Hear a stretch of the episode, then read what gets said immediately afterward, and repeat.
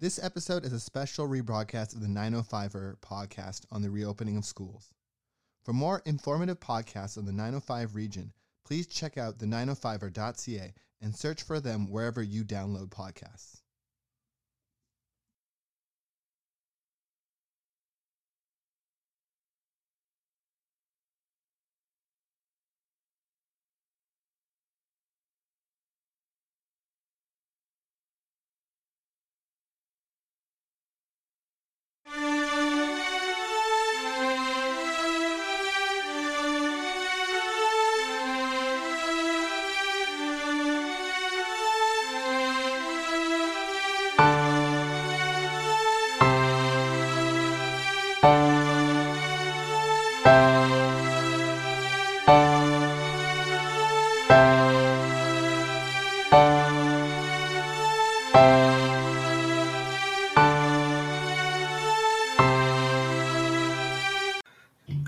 And welcome to the second episode of the 905 podcast, a new podcast looking at the uh, GTA region outside central Toronto. My name is Roland Tanner and I'm here with my co host, uh, John McLeod. Uh, Hello. This week, uh, the big story in the news is uh, the Ontario government came out on Thursday, right before a, uh, a long weekend, with its plans for the return to school of students in September at the high schools and primary schools. And we know certainly, certainly you, Joel, as a, as a parent with two young children, um, have a huge number of questions about how this is going to work. Um, so we invited on a, uh, a teacher from Halton District School Board um, who recently retired but uh, was a senior teacher in our region and uh, this is our conversation with her.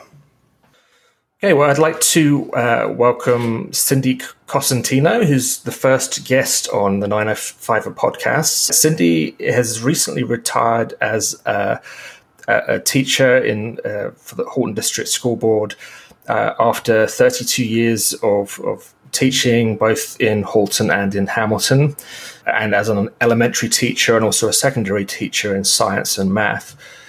Um, she worked as an education officer at the Ministry of Education and has been a program leader in Halton for the last 10 years. Purely coincidentally, um, she retired um, uh, just before COVID hit, um, but uh, is uh, extremely knowledgeable and experienced and, and, brings to the table the kind of perspective of a frontline teacher. Um, I should mention that uh, I, I know Cindy because she lent me a hand, as did her son Chris, uh, in 2018 when I ran for municipal council here in Burlington. Um, but uh, I thought she would be a terrific guest, uh, given she brings really that independent view and isn't representing either the kind of necessarily the union perspective or the uh, school board perspective or a government perspective. And I think that's really important that we have that when discussing the plans that are happening right now. So, Cindy, obviously, the the government um, announced on Thursday their plans for returning to school in September. What were your what are your initial feelings about about the what they're proposing? I think um, when I saw the plan, particularly the elementary plan for a full cohort, full day, I was puzzled that in all of the uh, work we've been doing as a community to try and deal with this virus.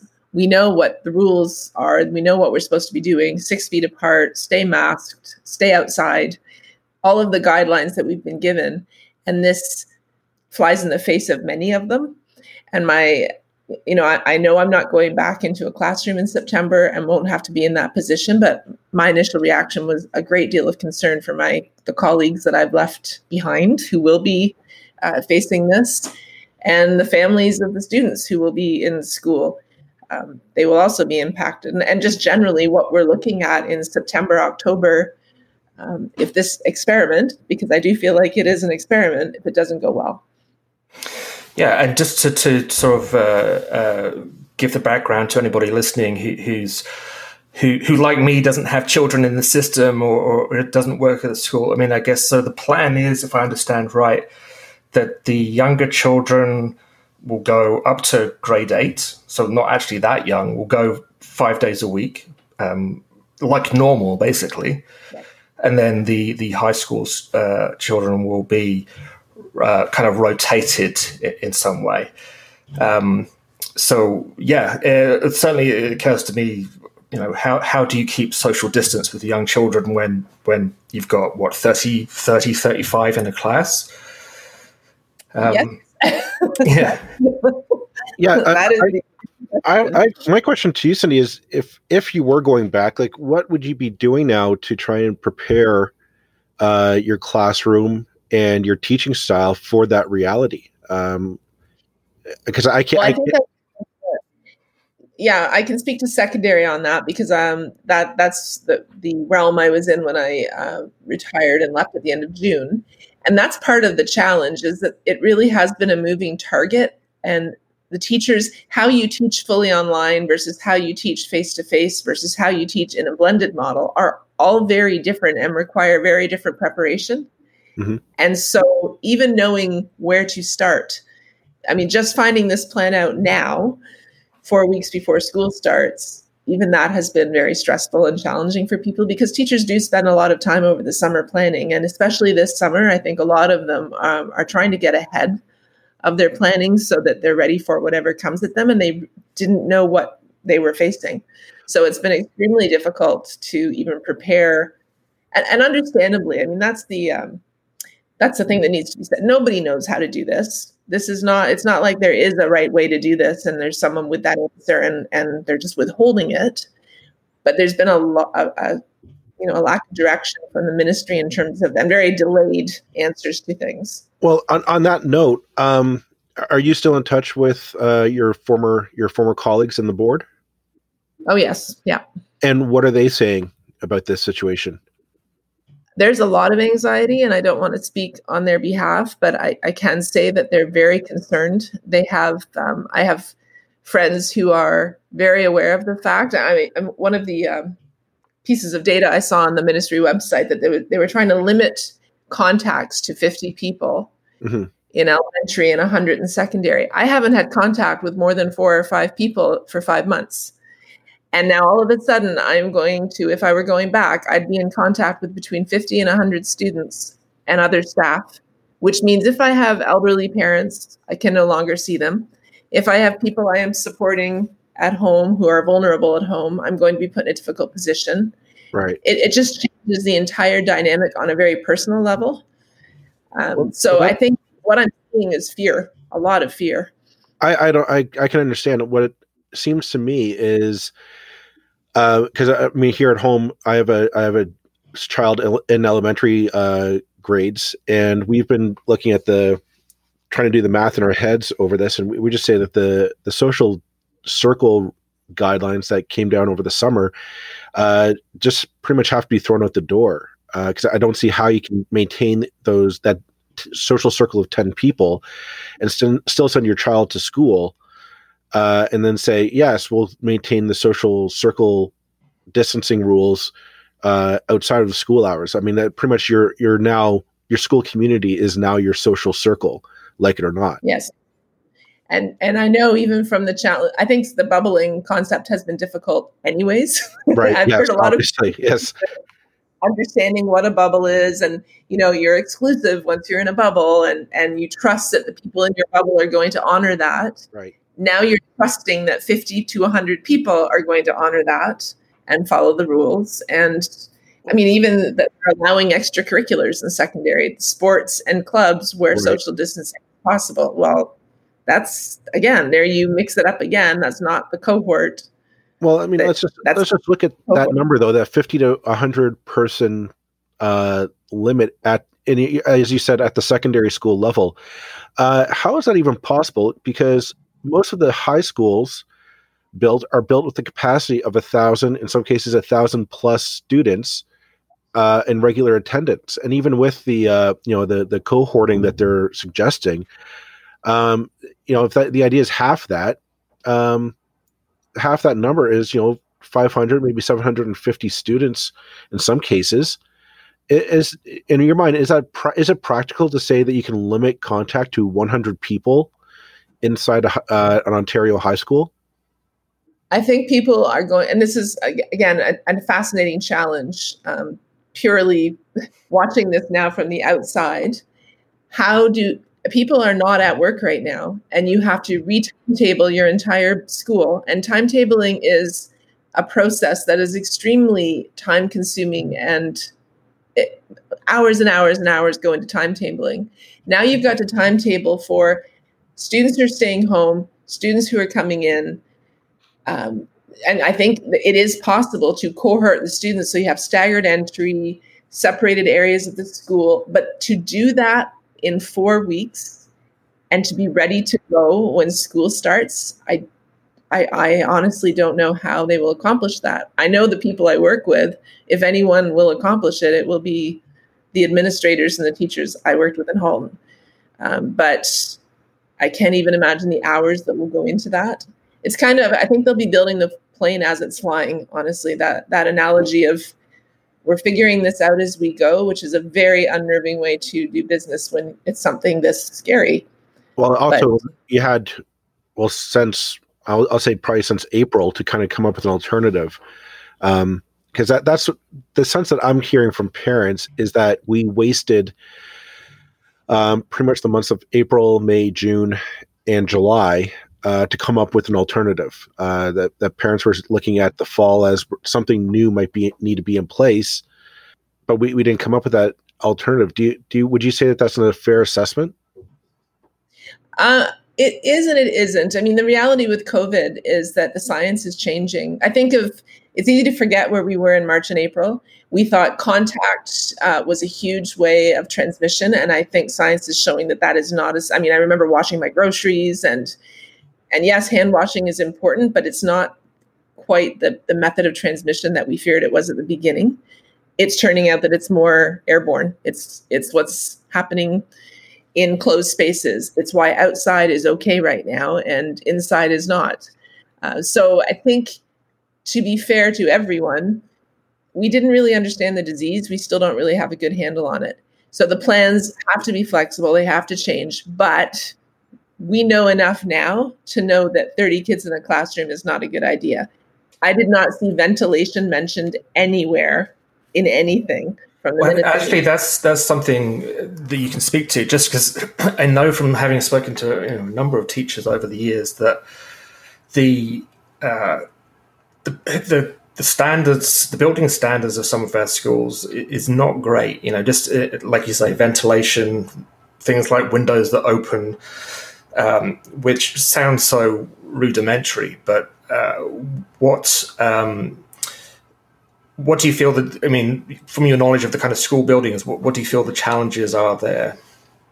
Oh, I, I, there are classrooms that don't have windows like that the rooms were built without windows. So there are no windows to open. And I would hazard a guess that the ventilation has not been measured or checked in a very long time. There just simply isn't money provided for that kind of uh, work. So I, yeah, I would not feel confident that a classroom, the ventilation in a classroom, and even in a well ventilated classroom, it's it's you have to look at viral load. How long are you in there? How many people are in there? And how long are you breathing the same air? What's it's a very technical thing to look at the circulation of air and uh, what you're being exposed to. Is that going to happen in every classroom in Ontario? No, it's not even being mentioned. There is no, not a single mention of upgrades to ventilation systems. Do you, open. yeah, well, and I know I just I always mention this because the more people know this, the better. But just about every teacher I've ever spoken to, um, when you say what single thing would improve improve your lifestyle, it's like air conditioning. uh, and but I mean, I mean, that's that's not a COVID related thing necessarily, but it, it, speaks to the kind of lack of um, you know, these schools, some of these schools were built quite a long time ago, that, and then they're not really set up for handling what we need them to handle. No. Um, the other thought I had was, you know, why, and it's not really a question that, that, that that's for you to answer, but I'll ask you anyway. Um, why is it that we're saying young children can go back five days a week and, and just have the regular class sizes of 30 up? Uh, and then other children can't? I mean, what, why do you think the government made that distinction? Um, my cynical brain would say it's because that takes older children are able to take care of themselves if they're learning from home. Younger children need someone to watch them.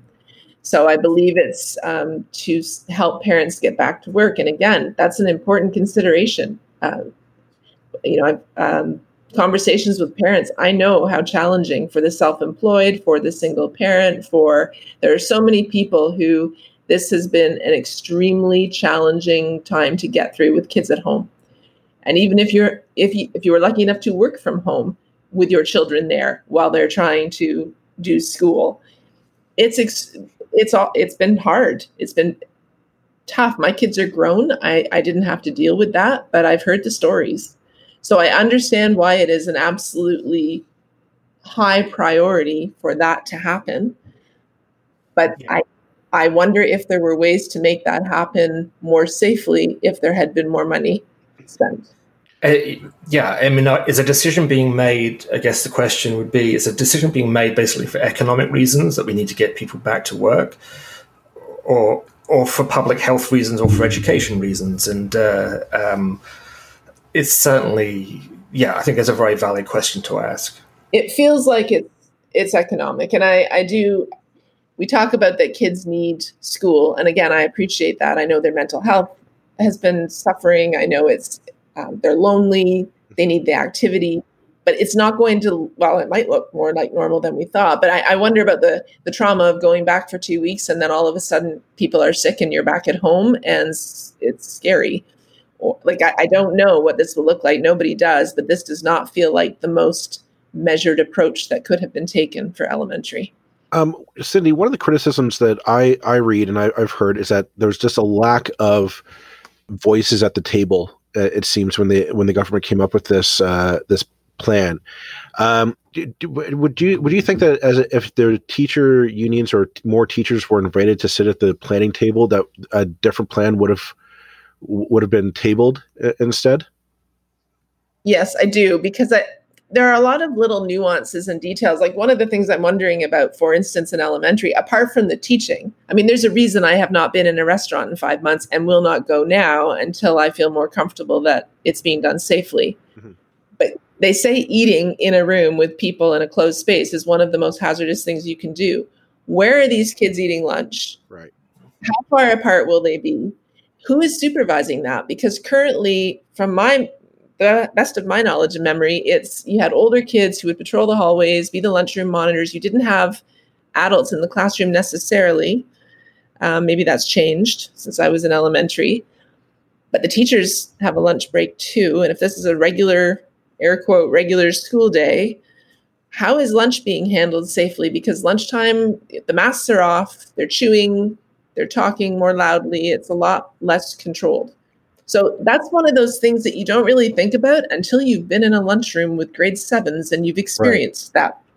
that. That. Well, uh, well, I can't even imagine if you get into like the grade three, four, five, uh, where you try asking the, that age of children to sit down politely at a at a small desk for uh, for half an hour. Uh, good luck to you. Yeah. I mean, I, I, my kids went through the, the system. I remember this. They were lunchroom monitors, and they were the students sitting in the lunchroom, and the stories. I mean, it's it can well, be a little bit of organized chaos. So, well, how other, do you do that?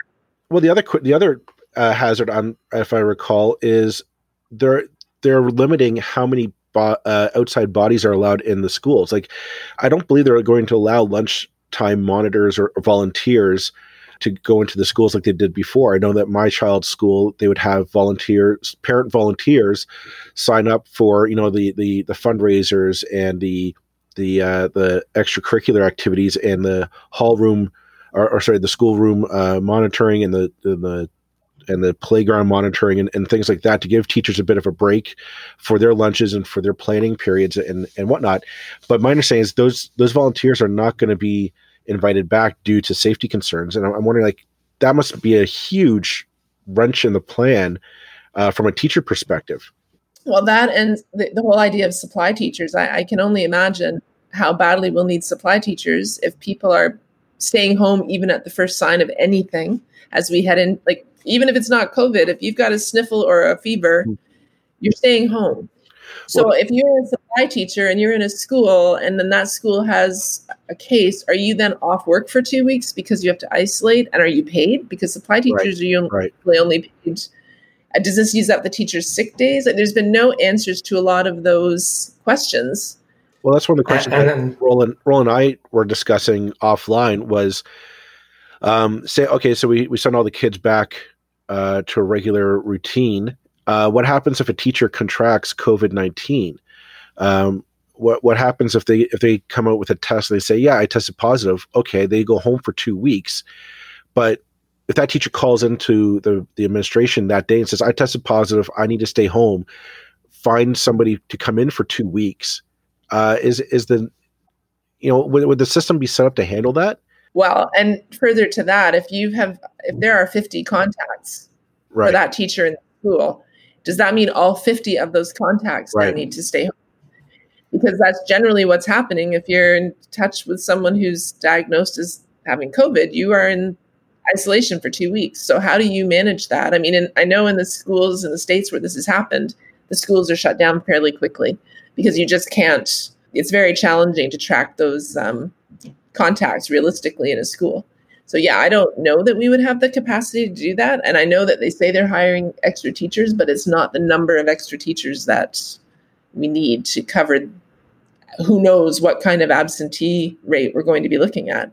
Yeah, yeah. I mean, when it just the, the practicalities of, of one person catching it, or effectively, you know, effectively everybody in that class is now your family. Yes. One person catches it, you all need to isolate now. Well, okay, so that's just driven a coach and horses to at least one class. Well, what about some of those children? Talk to some of the children in other classes. Well, now you've got to take that class out to. I mean, it just spirals very, very quickly. It seems yeah. to me. Yeah, and the, the the science is suggesting that kids may not generally get sick, but they certainly get infected and they right. spread. So it will be very silent at the child level because we won't know they have it but it's once it starts popping up in the adults where you know you have a problem. And again, there, I think there was an article in the um, in, on in Forbes that's a new study that's out about kids spreading, and it's again the science is so new that we don't really know. We have no idea conclusively what this looks like in kids and how really it spreads in kids. Well, and there has been some, again, you know, very early, but there, there have been some reports of, and I can't remember the name of the condition. I should go and look it up on Wikipedia, but uh, a particular reaction that, that seems to affect some children that, that is particularly nasty uh, and with long, potentially long term effects. Um, so you're, yeah, you're to an extent you, we're experimenting with with with children, uh, and not to mention the rest of us. I wonder about. I mean, I think I know the Ministry of Labor protects employees and, and PPE. They say medical grade masks are being provided to, to, to teachers, but I don't believe that means N95. I believe that means the, like the, the, paper mask coverings that, right. um, that you can buy. So, if a teacher comes down with this, and there, the estimates are that you can get quite ill for this from a longer period of time than just the initial sickness. There are significant health uh, repercussions that come later. So, what does that look like from an LTD or long term disability perspective, or how then it, there are so many repercussions from that? Uh, teachers have been told that if they aren't able to work, they will be accommodated. But what's the criteria for not being able to work? Do you have to, is there certain conditions that are okay, you stay home and others that are not? If you have if you have elderly parents, is that enough? Like we, we don't even know what the criteria are for you can stay home. And what if half the teachers want to stay home? I think it would be interesting to hear um, from the union perspective, both the uh, the Catholic and the, uh, from OECTA as well as uh, ETFO and OSSTF, uh, their perspectives on the cons- these concerns. Because I'll be honest, Cindy, I never thought about this until you just raised them. I, I did not think with the long term disability potential uh, that that could affect teachers if they're if they're contracted they can recover. But you're right, we're hearing about uh, shortness of breath and liver liver complications uh, due to COVID nineteen. and I, I never thought about that, but you're right. That's it. That might be a question for another union negotiation contract talk down the road between the government and the unions. Which, well, last time we went through that wasn't such a great uh, experience for the province. no, it was quite a horrific experience for the province. So, and, and just the fact that teachers, the fact that teachers are being asked to do this with four weeks' notice, as you say, you know, like really very, you know, I'm still in the mode of thinking September's a long way away. It's right around the corner, um, and the the this was basically, you know, I spoke to a, a trustee the other day. Um, they had no real you know they were learning at the same time as the rest of us what was kind of being suggested and and had no answers to had no more answers to these questions than, than we do so it's just being kind of dropped from on high and I, I guess to an extent this this goes to the, the way that um, this government has this provincial government has kind of operated since uh, day one uh, that it tends not to consult and I think that's a fair criticism to make. Um,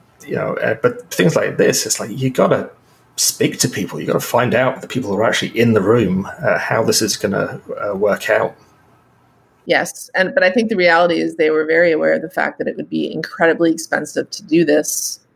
Um, I mean, apart from just the busing, all the kids on the bus, we don't. How do you how do you bus all of those students if you're staggering the busing and spreading them out appropriately on the busing? So that there are so many. It's it's a very expensive proposition, and I I get that, but I wonder if the repercussions of this. I'm picturing. I mean, you go to a if you have a summer camp where 75% of the kids test positive after two weeks and all of those kids uh, so maybe it's not that high maybe it's 25% so 25% go home. They're being babysat after school by grandparents or their their own parents are there. They have siblings. How quickly do, are we right back where we were in March and April? Um, I just, it feels very, apart from the teacher risk, it feels very um, dangerous and it's a little frustrating that this could be the thing that turns the clock back for us after so much work and so much effort to get to where we are. And we're still not through it by any stretch, but that it could be taken backwards so quickly. On, on that on that note, um, if we do get this the infamous second wave that everyone is saying we are going to be getting, and we do end up having to go back into lockdown, worst case scenario, uh, your experience, uh, Cindy, with going into the distance learning, the the online learning, how a how quickly were you able to get set up for that, and b uh, what did you like or not like about it? Uh, I think teachers will be much better prepared for that this time. Um, there, there were a lot of teachers, elementary and secondary, who had never taught online, and it, it's an entirely new skill set. And I, I put myself in that category because much as I would have meetings and whatnot online, teaching students and all of the privacy considerations and all of the limitations about what you are and are not allowed to use in terms of apps. And it was a huge learning curve. So the hours and hours and hours that I know people spent trying to pivot to that, I think will serve them well when they go back because they will be that much better prepared. And I do think people are, I think they have expected that while we might be back face to face, even in, you know, May, June, we were saying we'll be back face to face, but it will probably at some point in some areas be back online. You know, it's, it's just to be expected. So I believe people are planning for that. And I think we'll be in a better position for that. There is a concern about equity because what really was brought to light through all of this for the teachers with it was that their students do not have equitable access to technology, to quiet spaces to learn, to um, access to materials, to Wi-Fi, to, to things that some people take for granted. And it was surprising for people to hear what was not available to many students. So, how do you do that? How do you support students who are in that situation? Um, the difference will be last year it was the mark stand. As of March 13th in secondary, your mark is your mark. That will not be the case in September. Right.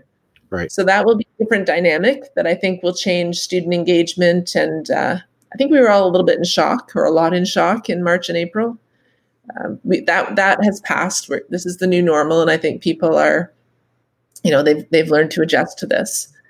So Great. Well, thank you so much, Cindy, for uh, for speaking with us today. Uh, I suspect we could go on for another half an hour here, quite easily. But we, uh, but uh, it's, I think your experience is enormously valuable to hear, and um, so many questions, to say the least, that haven't been answered yet. Um, that that really need to be answered very quickly if we, if we're going to do this right at all, and if this plan such as it is, is going to be uh, put into effect.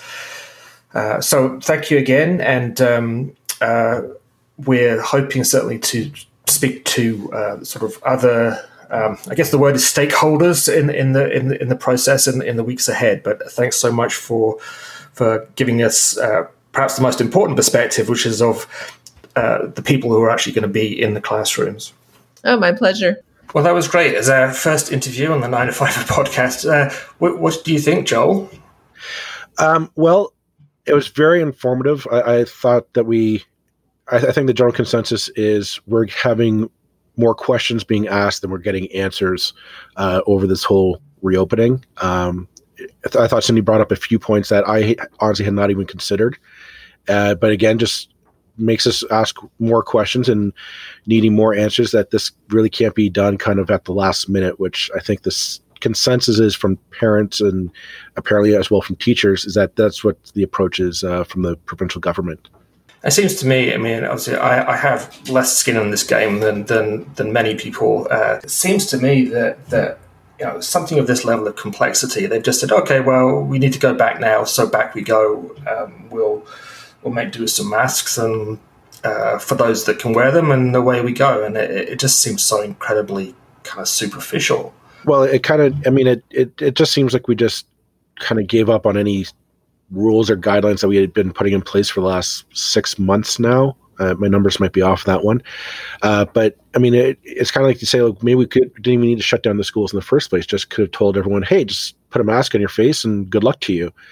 Um, and the the other aspect that we didn't cover, but it would popped up in my news feeds that the Ontario government announced as well uh, that the daycares are going to be returning J- uh, September 1st to full capacity registration, which again is, is a it's a scary notion to some parents. Is that we just seem to be kind of there's no guidelines on restructuring how these places are going to operate. It's just pretty much, nope, we're just going to go back to normal and good luck to you.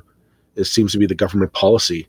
And it comes back to the thing that I felt to an extent throughout the, the opening up process that we made a decision as a society in March to to deliberately damage our economy uh, mm-hmm. to save lives. Mm-hmm. Um, mm-hmm. It's like this is going to hurt, but it, it's worth doing.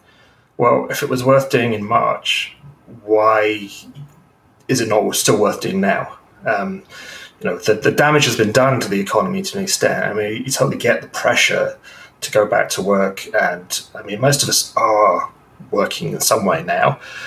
Uh, I think I don't think there's, you know, well, we are we are going back to work, and the economy is returning to something like normal. But well, the, um, the, the big, I mean, everybody's comparing this to the fact that you can go to a restaurant that will have less than 50 people in some cases far less because of social distancing guidelines but it you know we're, we're basically saying it's it we'd rather go to a restaurant and drink and eat and and do that than take the time to make sure that our schools are are safe they're equipped to handle uh, the the complexities of this pandemic. And i just find that we're just not putting forward our best imagination on this we're not we're not we're not getting the best and brightest in the room together to come up with some new inventive ideas to say, I because I, I like I, am not an either or guy. I, I, don't I don't think we have to present um, a case of well, it's either the economy opens or edu- or schools open. I think we can have both. The problem is to do both safely. We need to invest time, resources, uh, and capital to make it happen. And that seems to be something that this government, for whatever reason, whether it's a, a hubris or ideology or or just they don't want to spend the money just doesn't seem to be wanting to to do that And if the primary motivation, which is the suspicion is the primary motivation here is economic, about allowing parents to go back to work, then surely that's worth the investment to do it right rather well, than trying I, to cheap out on it. I just don't understand how like, the federal government has chipped in billions upon, if not trillions of dollars. I don't know the exact number off the top of my head, but I mean, we're talking like huge, huge deficits, record breaking deficits. And I have not heard one person say, well, that was a waste of money. Oh, that, you know, that was a really boneheaded government plan. Everybody understands you needed to do that to save lives, to keep people safe, to keep an economy on literally on life support. Um, and uh, yeah, it's a, it's a, it's a, nobody asked for this. Nobody asked for it. Nobody, nobody's blaming government for saying, oh, why didn't, you know, why didn't you have a couple trillion dollars sitting in the in a rainy day fund for this. Nobody saw this coming. So nobody's blaming anybody for spending that money. But I think the fact is we're realizing if we want to make this get out of this safely, we're going to have to spend money. We're going to have to start coming up with new uh, and inventive approaches to these problems. It's it's it's becoming clear to me, at least, that we're getting back to normal is not necessarily an option. We need to find a new way of sending your, our kids back to school to get the economy going, and I think we just need to start we, we need to start asking different people. And again, going to more, as Cindy said in, in her interview, getting more people at the table and asking different people to uh, to sit down and just see what see what ideas work. Yep, absolutely. Well, it'll be interesting to see how that all this pans out and whether this the plan that was announced is actually the plan that happens in four weeks' time. Uh, I, well, I mean, this is something that we're going to stay on top of. Uh, this is clearly not the end uh, end of the discussion. Uh, we did ask uh, both chairs of the Halton Catholic and the Halton Public boards to come on. Uh, both have indicated that they're interested in doing so, but they wanted to take time to look at their numbers and to examine what their boards can do, which we thought was understandable. So we have the open invitation to them to come on, and we hope that they'll take it up in a few weeks' time. Uh, but I th- and I think we'll be revisiting this again once the schools actually open and we see how this how this plan unfolds. Absolutely. Well, okay. Well, thanks, uh, Joel, again for, for your partners this week. And uh, just a reminder to everybody that uh, this is going to be a weekly podcast. Um, we're planning uh, Tuesday will be the day when it comes out every week.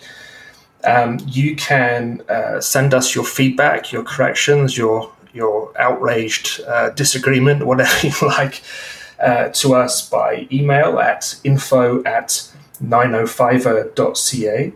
Uh, we're on Facebook at facebook.com slash 905er.ca. Uh, we're on Twitter at the underscore 905er.